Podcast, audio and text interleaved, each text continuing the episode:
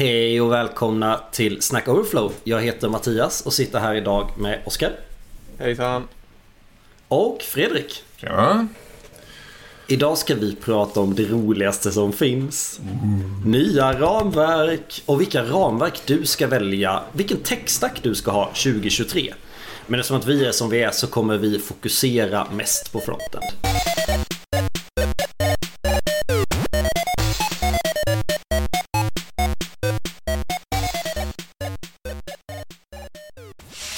Fredrik, berätta för mig. Varför behöver vi prata om nya techstackar hela tiden?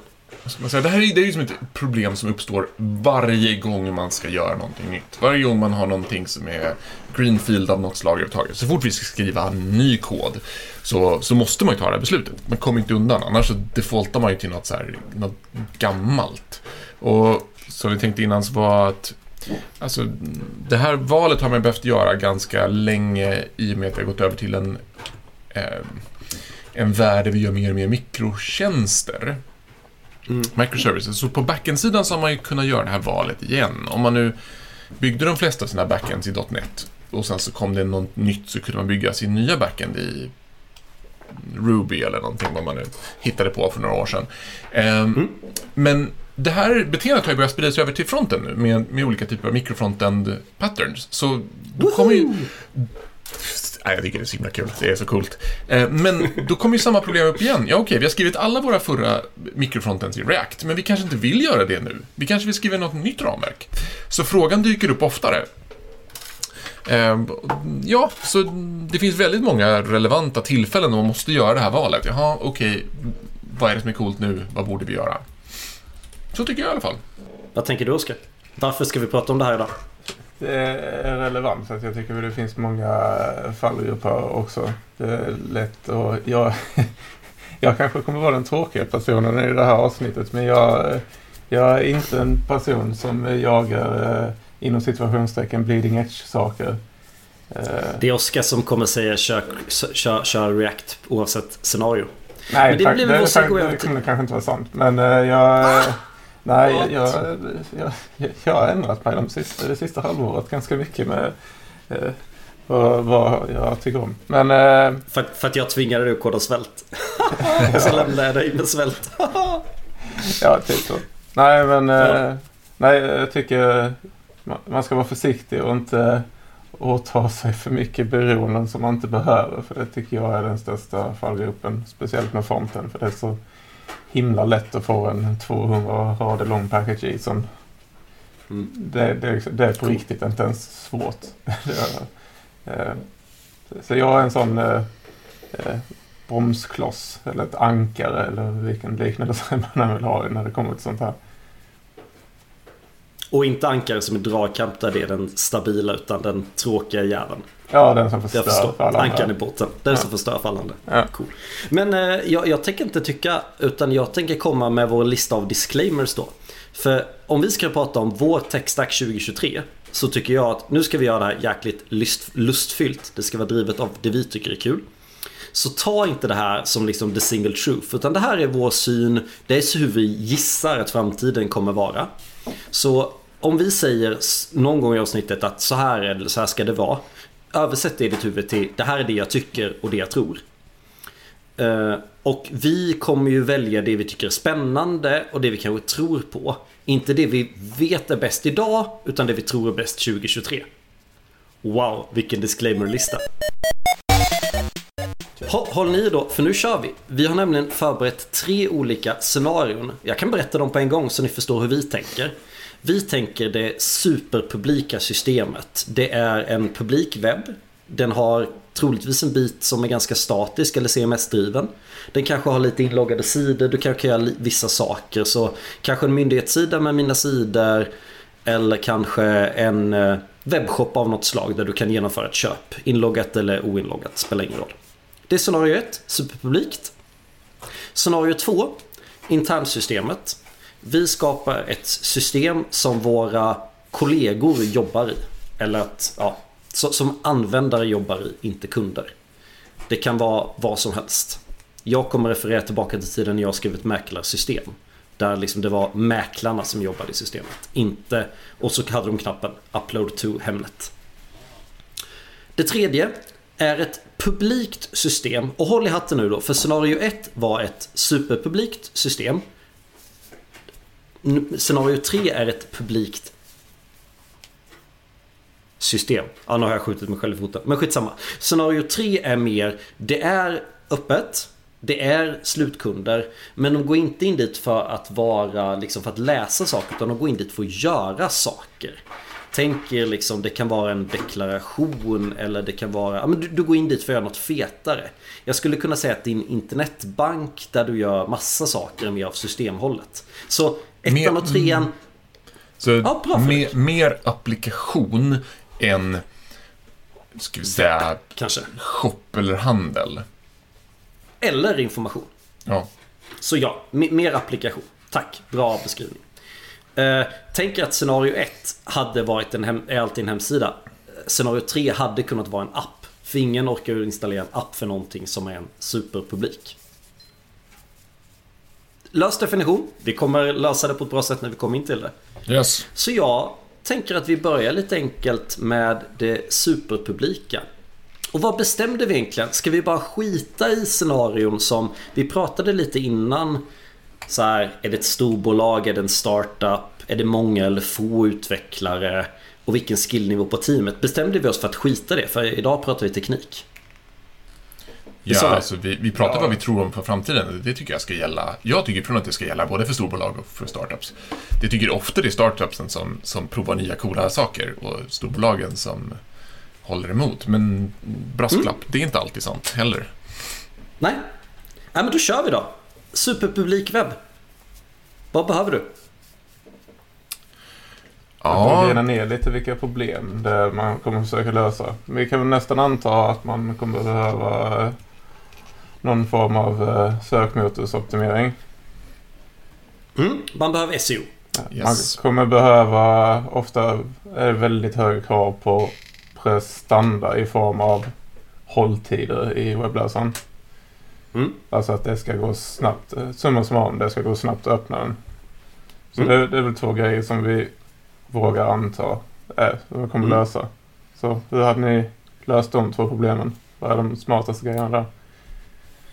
Ja men så här, är, är det SEO då ska du antingen ha en statisk webb på något sätt. Att du antingen om du skapar en liksom, statisk HTML eller om du bygger statisk HTML eller att du server-side renderar. Det är väl våra lösningar om man skulle ha bra SEO idag. ja absolut. Ehm, Och Men- det kommer ju oftast med bra prestanda om du inte tänker fel. jo, men precis. Men ehm, Vilket hade ni valt där då? Om man ska börja. För det, det känns som detta snarare så kommer vi komma in på SSR, server-side rendering. ja, hur men, hur vi alltså, än vrider och vänder på det så kommer, vi, Ja. kommer det finnas. Alltså vilket server-side renderingsverktyg hade ni valt? Öppen fråga. next. Ja men det, det, Next är ju det tråkiga. Jag vet! Jag, jag, Jag- jag- Ne- jag- Next är på min tunga också. Next, så jag ska next hade jag Quick, valt. quick. Next hade jag valt.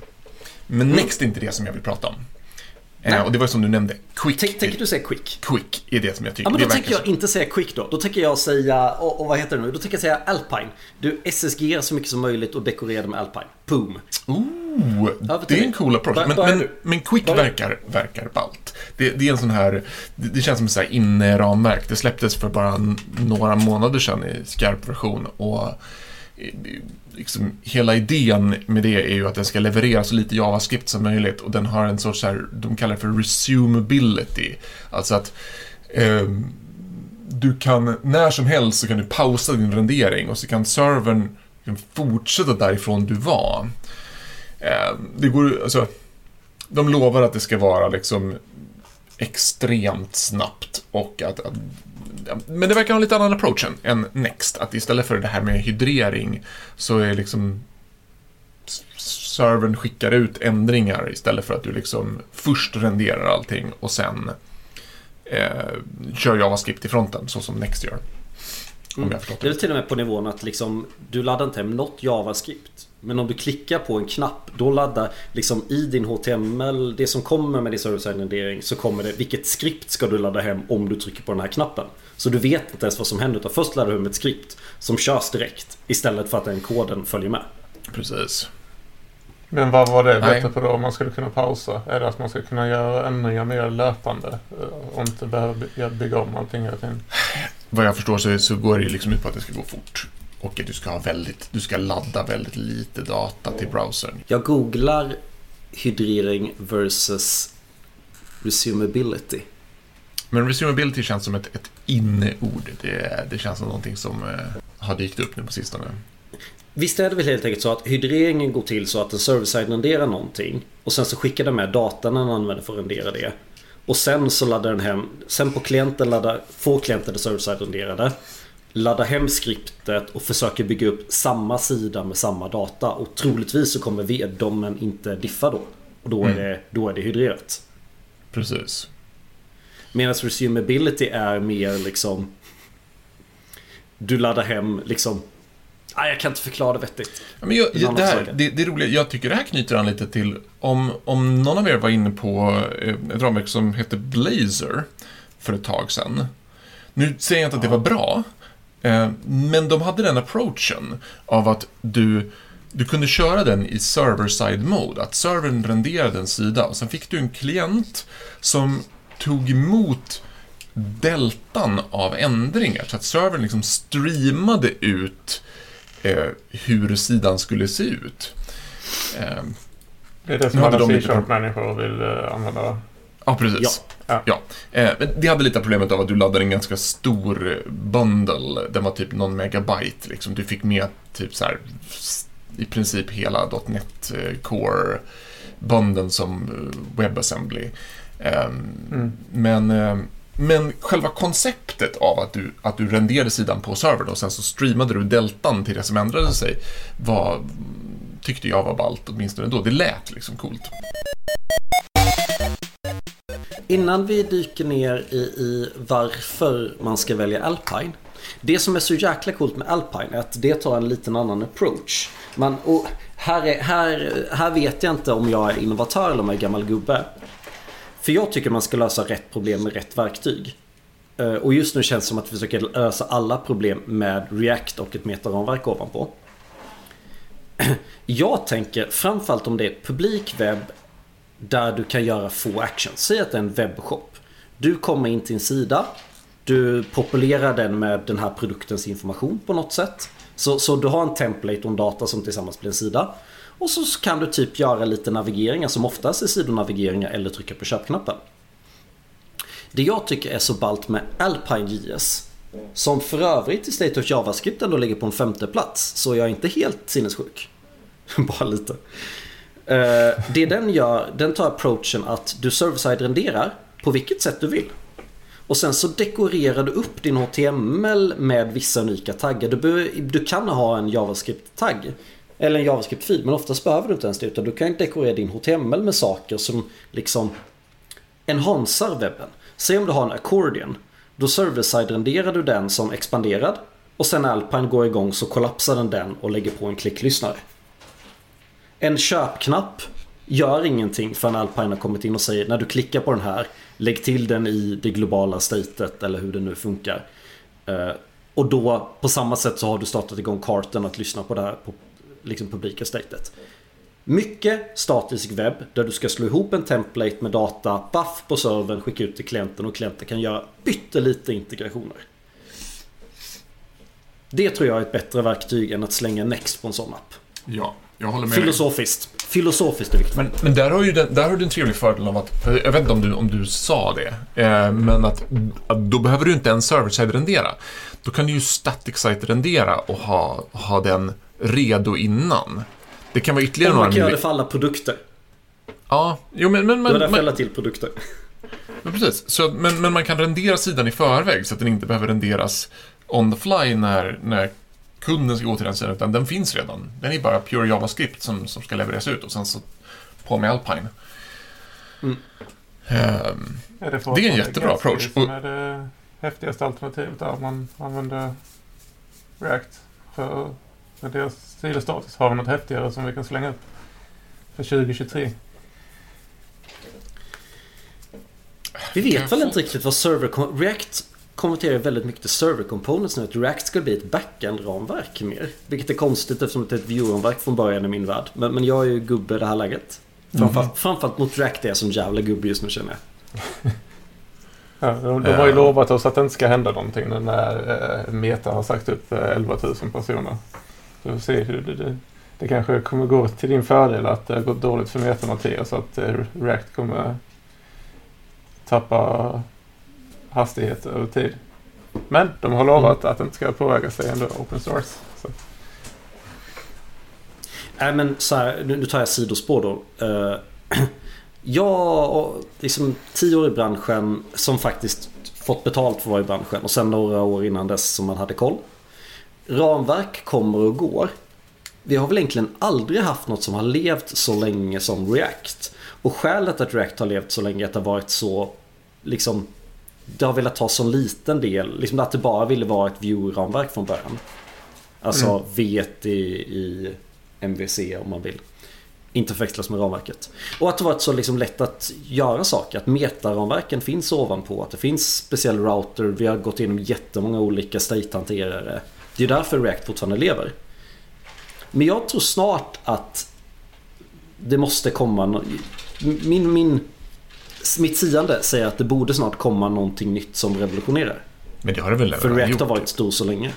Alltså, är inte svält den stora utmanaren?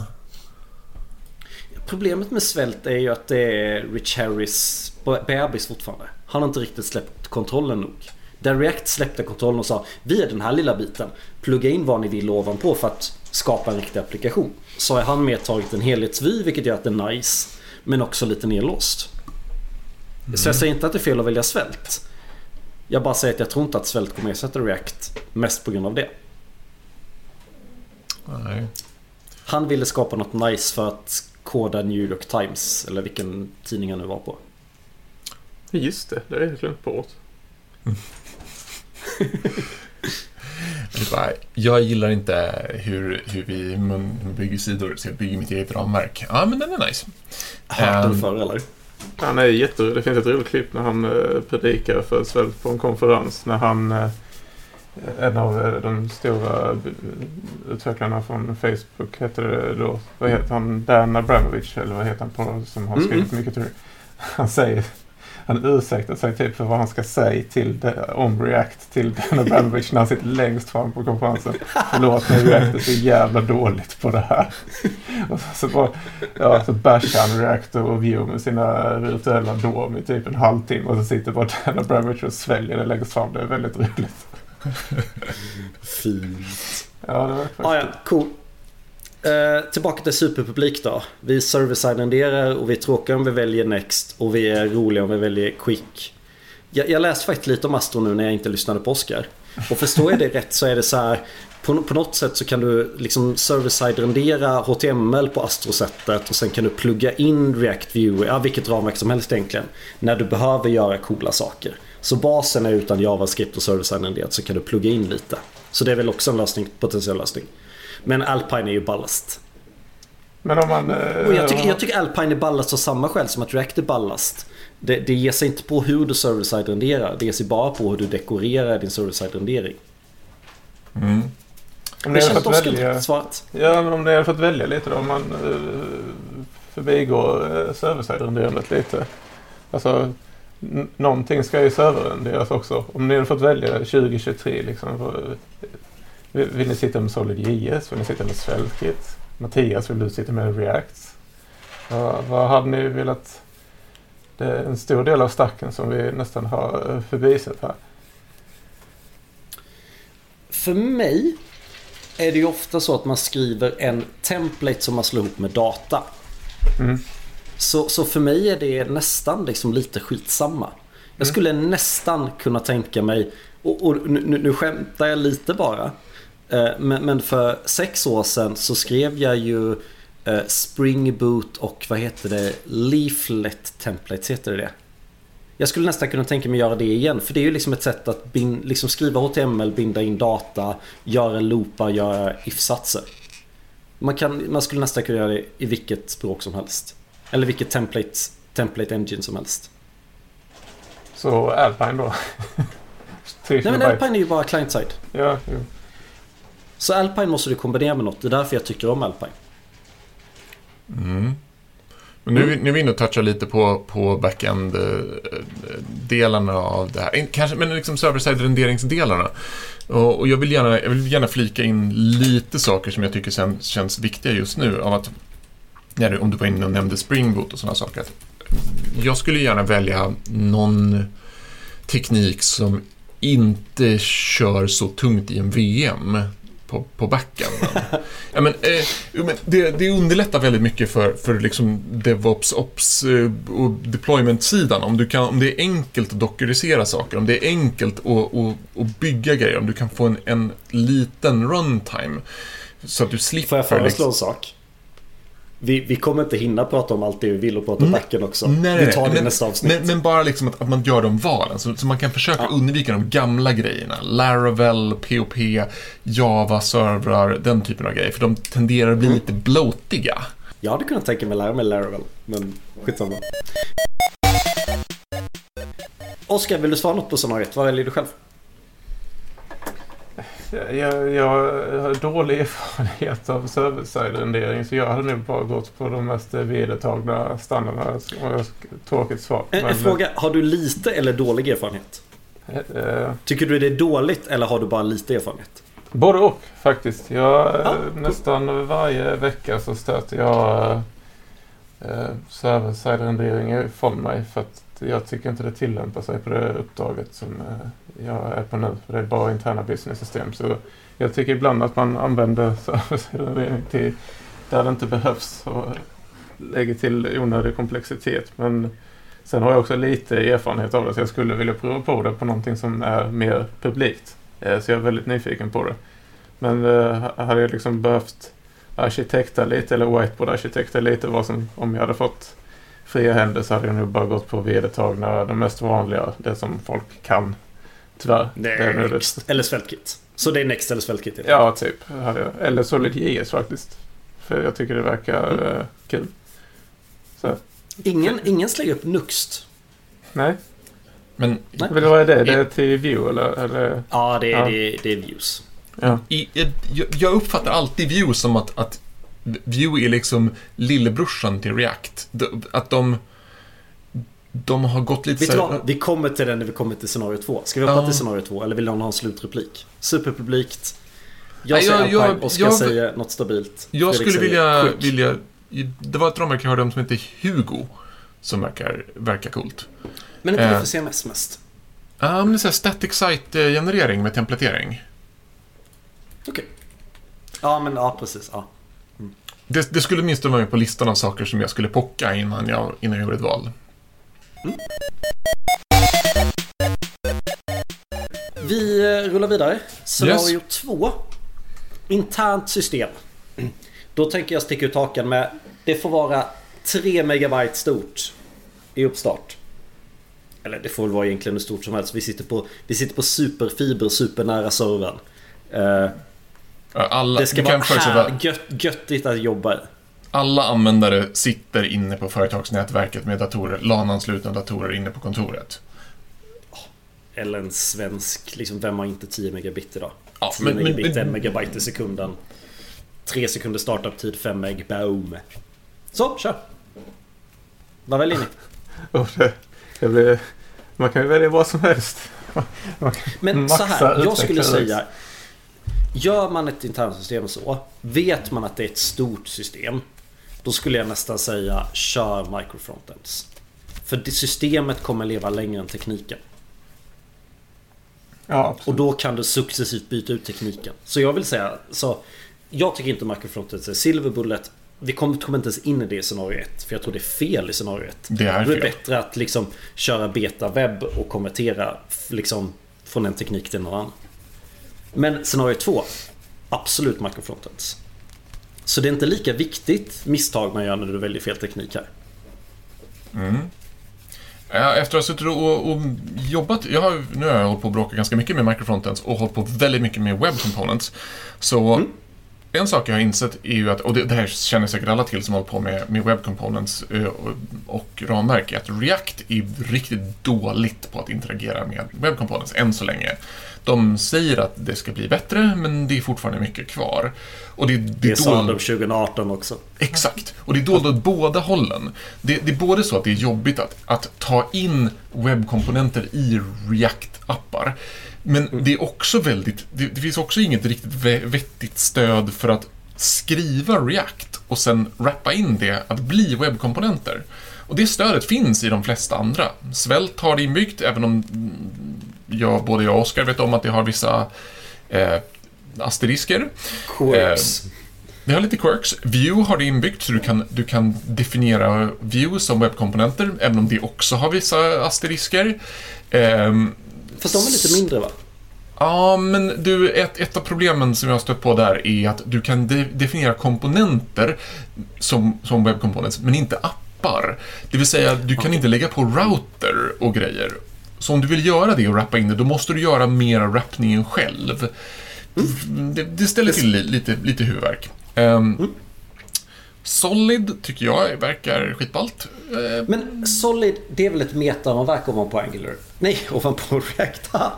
nu läste jag Angular. Eller är det ett eget språk? Det är väl ett, nja, det är ju T6, men det är inte React. Alltså, man måste göra lite egna. Det är liksom, du importerar Det- Solid istället för... Är inte rätt eh, det- det- sätt att beskriva att det är inspirerat av React? För de har ju tagit eh, old school eh, lifecycle-metoder som är mer logiska än i en omgivning än Reacts eh, hooks.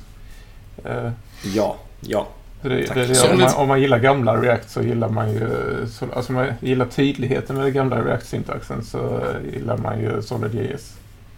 Men Solid, Solid har lite, lite quirks som man måste... Det, det, det var lite mindfuck när jag började med det, för att man... ehm, man måste vara ganska försiktig med de props som du får in måste liksom hanteras på ett speciellt sätt, annars tappar du reaktiviteten. Men det är bara att följa deras dokumentation så funkar det. Men det... Man använder funktioner för att, att splitta isär properties och mergea in properties för att bibehålla reaktiviteten. Ehm, men annars, Solid är, är coolt. Vad jag förstår så, så är det till skillnad från React så får man liksom som man bygger en, en runtime så som Svelte gör. Istället för att man har en... Jag tänker att för mig är det precis det du är inne på. Om det är någonting som kommer överleva allt det här så är det ett designsystem. Och vi vill ha microfrontends och många ramverk. Så för mig är ett designsystem i web components, som blir web components, otroligt viktigt. Så bara på grund av det nästan skulle jag säga att, att Vue eller svält är, är mina go-tos. Och jag tycker båda de två, för mig är, ska man göra ett internt system är produktiviteten väldigt viktig. Och jag tycker båda de två De passar in väldigt bra in i min mentala modell för hur webben funkar. Och därför blir jag väldigt produktiv i dem. Ja, vill nog gärna hålla med där faktiskt. Ehm, det, det är lite roligt när man kommer till ett läge där, där, det, där det börjar bli roligt att, och spännande att React kanske tappar sin särställning som det här största ramverket. Att, man kanske, att det kan bli kul att välja någonting annat än React.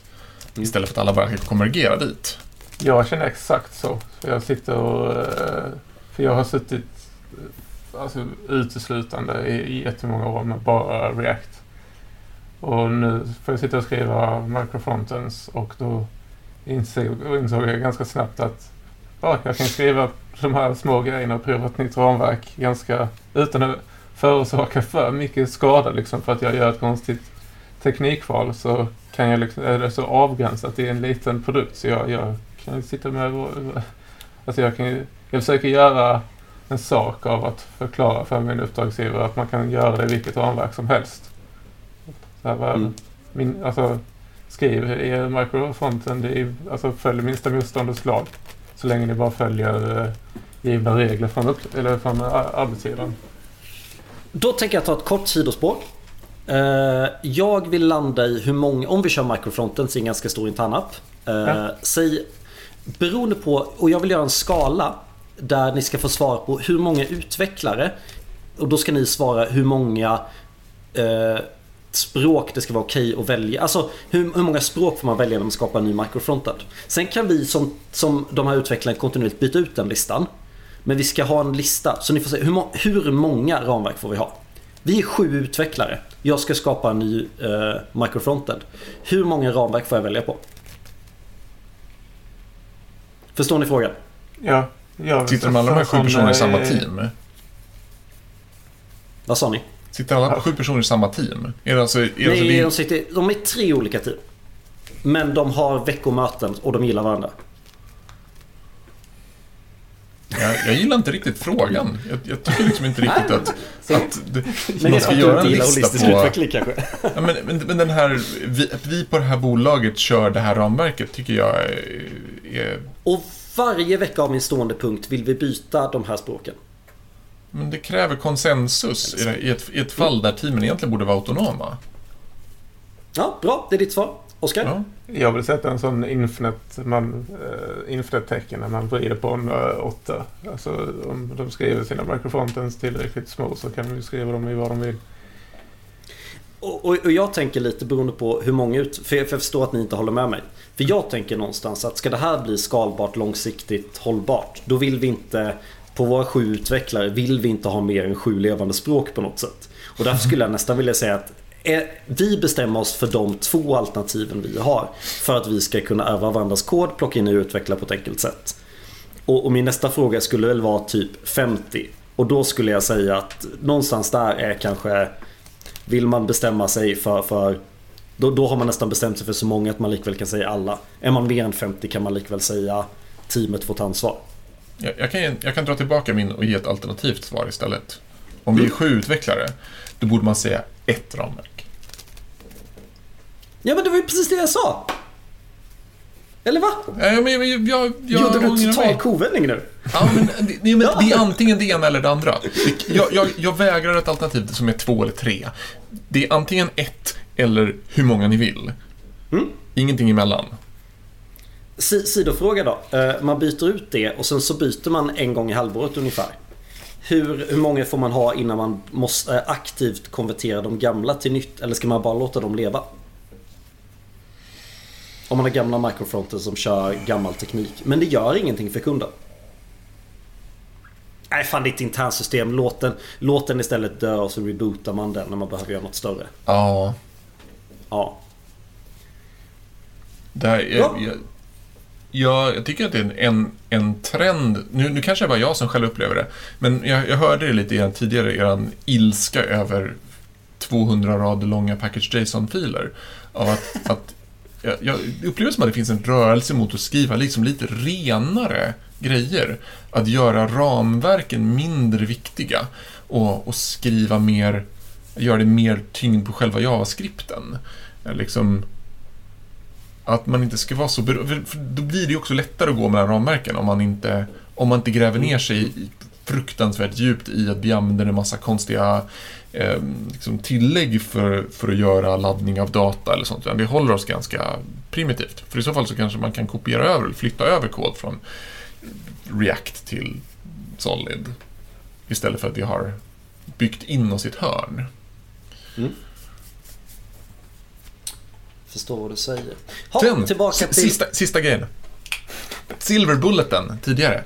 Eh, en Alpine. Alpine. Alpine. Ja, webbkomponenter som du bara, här är min HTML, någonting.inner HTML i min shadow root är lika med blöch, en text och sen stoppar in Alpine den. Det kan mycket väl vara en lösning på väldigt enkla grejer. Men jag tänker att internsystem har inte enkla grejer. Internsystem har, liksom, om superpublik webb har enkla grejer, har internsystem svåra grejer. Men mycket mikro- beräkningar, mycket pillar du här så uppdateras den och räknas om utan att behöva gå via servern. Eller gå via servern men då vill du ha något smart emellan. Det beror på hur mycket mikrofronten du- du gör och på hur beroende alla saker är av varandra. Du kan Men ha jag tänker någonting även inom den här microfronten så är det så här superfeta beräkningar. Med AI kopplat som du måste, med de här nya siffrorna så skickar du till AI-modellen och får tillbaka den här grafen. Ja men det, vadå, vadå, vad gör du i dina internsystem? Jag skrattar inte för att du har fel, utan för att du har så himla rätt i hur det här brukar tendera att bli. Jo, men vi har ju en AI-modell, motor, vi har. Herregud. Ja, ja, okej, vad vill ni ha grafen någonstans? Kul. Då ska man trycka in all affärslogik i fronten också. Med WebAssembly. Uh, Tror ni att WebAssembly blir en grej i ett handsystem?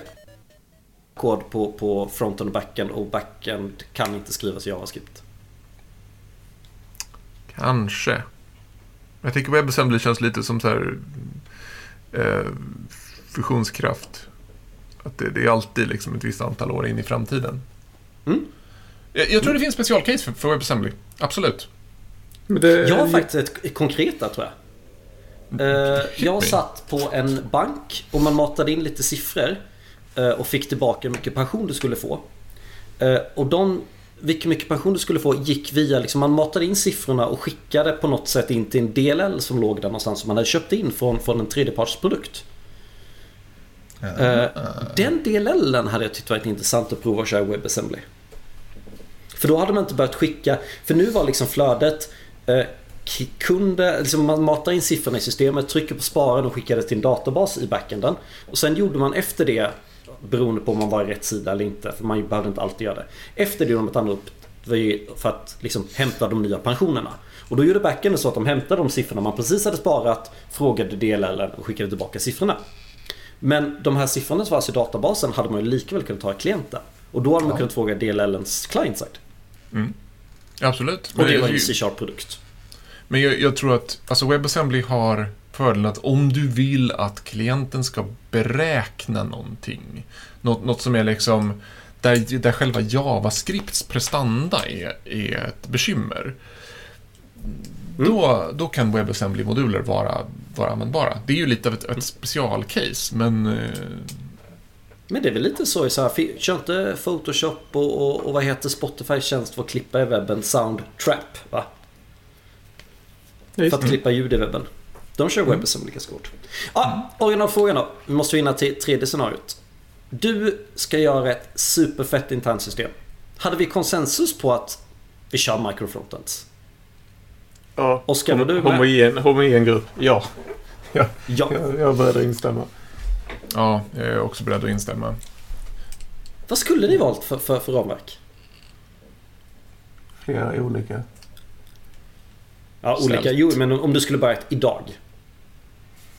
Nu har jag fått eh, flera av mina svält eh, microfronten som fungerar väldigt eh, bra faktiskt. Eh, Så jag, jag, jag, just nu, även om det kanske inte. Nej!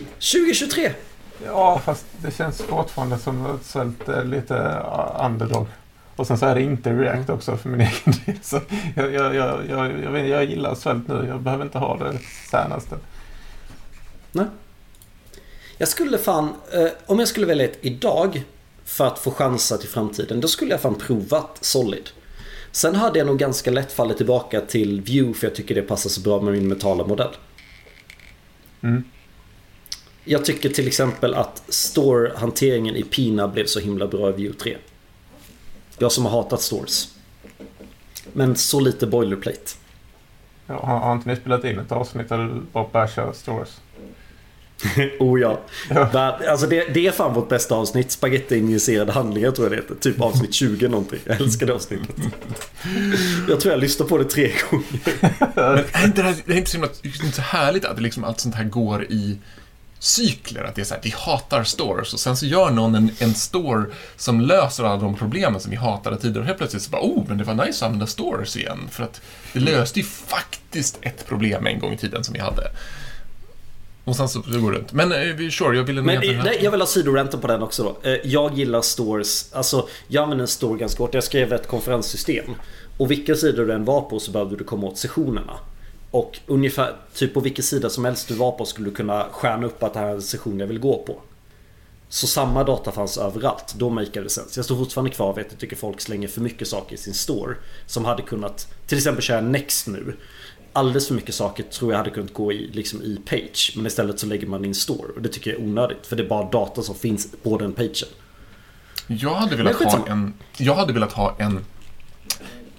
Någon, någon form av mikrofrontend store där man inte kodar den själv utan den är liksom en key value-hantering eller någonting smart så att alla En mikrofronten... ramverksagnostisk En store. rag, ramverksagnostisk eh, store som man kan instansera på liksom rotapplikationen i mikrofronten där alla bara kan liksom prata in och ut i den här så att Mm. andra kan lyssna på den.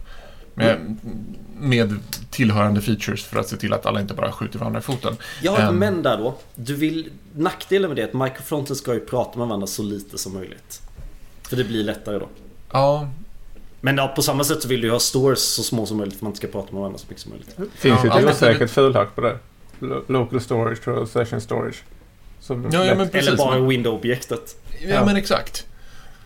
Men, eh, men det känns som att det finns en massa, en massa enhancement här som man skulle kunna göra. Som Oh ja. man egentligen skulle vilja ha. Men Fredrik, du sa inte ditt ramverk på internsystem. Jag skulle nog också välja Solid faktiskt. För att det är. Alternativt möjligtvis Vue. Nu, nu känner jag mig Är det så? Skulle du välja Vue före React? Ja, det skulle jag göra. Jag trodde du var i, i Team React nu. Ja, men jag, jag efter hållit på och bankat mitt huvud. Jag gillar fortfarande React. Alltså, det, det är därför jag säger Solid. Därför jag gillar T6. Eh, JSX, T6. Men, men efter att ha hållit på och bankat mitt huvud i väggen så mycket med webbkomponenter och React tillsammans så... Eh, så är jag inte helt säker längre. Alltså, de, de lovar mycket med version 19. composition. Så vi, vi får se vad framtiden... Det, det eh, kan vara så att React gör en, en, en comeback där. Men just nu skulle jag nog välja bort det. Skulle Vue sen composition av Bitcom i Vue 3 skulle man kunna skriva JSX och det känns som att man ibland binder strängar i, i Vue så hade, jag, så, så hade jag kunnat falla tillbaka på Vue. Cool! Mm. Sista- har någon låg sista i poäng? Så är det min hund som dömer. Han, han bestämde sig för att han skulle vara med på podden igen. Hej Uno! Tredje saken då. Ett publikt system. Tänk, tänk er en webb du loggar in och ska faktiskt göra någonting. Hur skiljer det sig från det interna systemet? Eller är det mer likt det publika systemet? Det blir väl lite, lite mellanting mellan de här. Mm. Ehm, Alltså, frågan är, den, den, den första frågan måste ställas här. Kan det vara relevant att ha en mikrofrontend externt? Eller finns det anledning att välja bort det och välja en annan teknik? Alltså, jag vet inte. Det här beror ju lite på... Jag, jag har själv svårt, för jag, problemet är ju lite löst definierat. Men för hur stor är den här? Någonstans liksom... Ju fler routes du får, ju mer sensemaker ju microfrontends. Ju svår... Och egentligen inte för att av något prestandaskäl, något utan helt enkelt är det lätt att liksom bara byta ut hela den här. Är det lätt att göra en big bang transition från ett ramverk till ett annat när du gett upp? Mm. Det är det stora för mig med microfrontends. Där vi i det interna systemet antog att det var så stort att det inte går att big banga det. Skulle jag säga att det avgör mycket. Ja, man, man, för man har ju två, två scenarion som bor väldigt nära varandra. Den ena är ju liksom eh, multipla sidor eh, som du navigerar mellan. Alltså om du säger att du går mellan, eh, vad ska vi ta, du har e-post och kalender som två olika appar som syns på samma. Antingen när du klickar på gå från e-post till kalender så laddar den om sidan. Och så är Någonstans en, en, första nivån routing går till helt olika webbs- webbservrar. Ja, precis. Men, men de, kan ha, de kan ha samma styling och de ser likadana ut. Upplevelsen är samma. Men du, men du laddar om sidan, okej. För då får du två helt separata system som är helt oberoende av varandra. Men de, de upplevs ändå hänga ihop. Men, och, och sen så har man en kort laddningstid så, så är liksom ladd... In, liksom in, steget emellan inte så, påverkar inte så mycket. Ehm, Det är ju simplare och mindre error prone än en mikrofronten-arkitektur. Men då kan de inte prata med varandra, det behöver de kanske inte göra heller. Men, Men jo, precis, men det de, kanske- ja. Det kanske man inte riktigt behöver på samma sätt då. Eller så får pratandet inom citationstecken gå via backend. Att man, liksom, att, att man sparar dat, användardata och det kommer upp igen när du kommer till nästa sida. Mm. Eller i local storage eller något annat. Mm. Det, det måste man göra två olika val liksom, på det sättet. Jag är ju lite så här, server-side rendering är ju coolt. Men det kommer ju lite, man ska ju lite hålla liksom tungan rätt i mun. Eh, man ska ju inte börja hämta för mycket data så liksom det kan bli då... Man har ju hellre en spinner på klienten än att ingenting händer när man klickar på en sida. Du vill ju inte klicka på en länk och det tar tre sekunder innan server-side renderingen är kört klart för server-side renderingen behöver hämta massa tung data. Mm. Och eftersom att det är liksom, eftersom att det är ett publikt system, inte en publik webb. Så tänker jag att man har gjort ett commitment och då kan det ta lite längre tid. För man kan ha lite mer spinners. Lite så här, man är lite mer tolerant för det. Så jag skulle inte säga att det var självklart alls med server-side rendering. Utan det skulle... Man skulle kanske ha lite höjd för att det kan vara en opt-in i vissa undantag. Men kanske inte ens det i början. Men kan berätta också- vad man tänker. Alltså, en- av de stora varningarna med service-rendering är att den kostar pengar. Mm. Det är betydligt billigare att serva eh, sta- Givet att du har en backend bakom och att din server-side-rendering pratar med backenden så är liksom backendens kostnad samma oavsett om du server-side-renderar eller inte. Men du måste faktiskt lägga serverkapacitet på att köra server-side-renderingen. Mm. Och Absolut. många användare, ja men det, det kostar pengar. Så... Och jobbigare att deploya. Ja, exakt. Så det beror ju helt på vad du har för scenario alltså. Är det värt Mm. det? En kostnad till som är lite dold är ju implementerat Server Next som exempel. Det är jobbigt att... Alltså det, det är enkelt att sätta upp nu. Det har blivit mycket enklare när jag kollar på det utan att ha suttit i det. Jag förstår liksom hur man sätter upp det. Men så fort du introducerat det för ditt projekt och du har skrivit 100 vyer i det så har det adderats komplexitet som du måste leva med över tid. Ångrar du dig någon gång på vägen eller behöver göra en konvertering så är det inte bara React. Du behöver konvertera till något annat som är det häftigaste om fem år. För de här systemen gissar jag på kommer leva över ganska lång tid.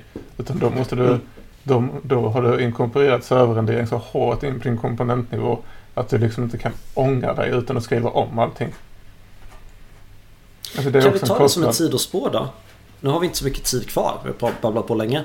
Ja. Eh, finns det något av de här ramverken som, lås, som har högre inlåsningseffekt? Om vi vill copy-pasta den här microfronten in i ett annat ramverk. Hmm. Vad tror vi har högst inlåsningseffekt? Eller är det ungefär samma? Ren JavaScript som är copy-pastebar. Alltså JSX Kan kan du återanvända i någon grad i, på olika sätt. Det finns ju ganska många sätt att få många ramverk att kunna tolka JSX. Ja, samtidigt så har jag, jag har copy-pastat uh, Angular 3-kod tror jag det var på den, eller 4 var det kanske. Till Vue och kört en Mm. regex replace och den, gick, den templaten funkade.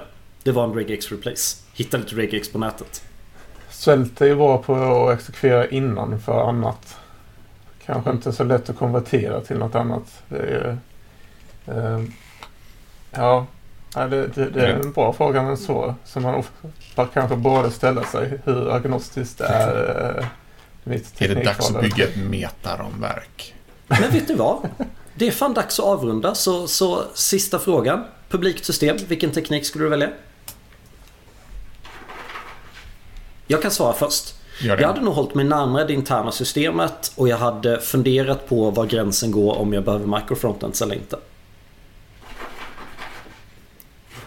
Ja, hade jag inte behövt mikrofonen så hade jag nog bara lutat mig på React för att det är så många som kan det. Det, det känns som att... Inte 2023. Nej, vi får se. Om inte Mark Zuckerberg han ska göra Meta 2 så kanske React kommer klara sig. Mm. Mm. Jag vill, vågar vill nog också vill nog också i det här fallet säga React. Om man inte ska bygga mikrofrontends utan ska köra ett, ett system utåt så ska jag nog välja React just nu. Med enda brasklappen som vi var inne på tidigare. Eh, jag hade nog pockat om det finns något, något coolt ramverk för mm, WebAssembly. Om det är så att man har, om man har eh, prestandakrav. Om det ska vara applikationsaktigt. Tänk som du nämnde Adobe eh, bildhantering eller någonting sånt på webben. Toppen. Vi har pratat så länge så vi inte hinner veckans tips. Så tack allihopa för att ni lyssnade. Det blir lite kort avrundat men så blir det ibland. Ha det bra allihopa. Hej! Hej!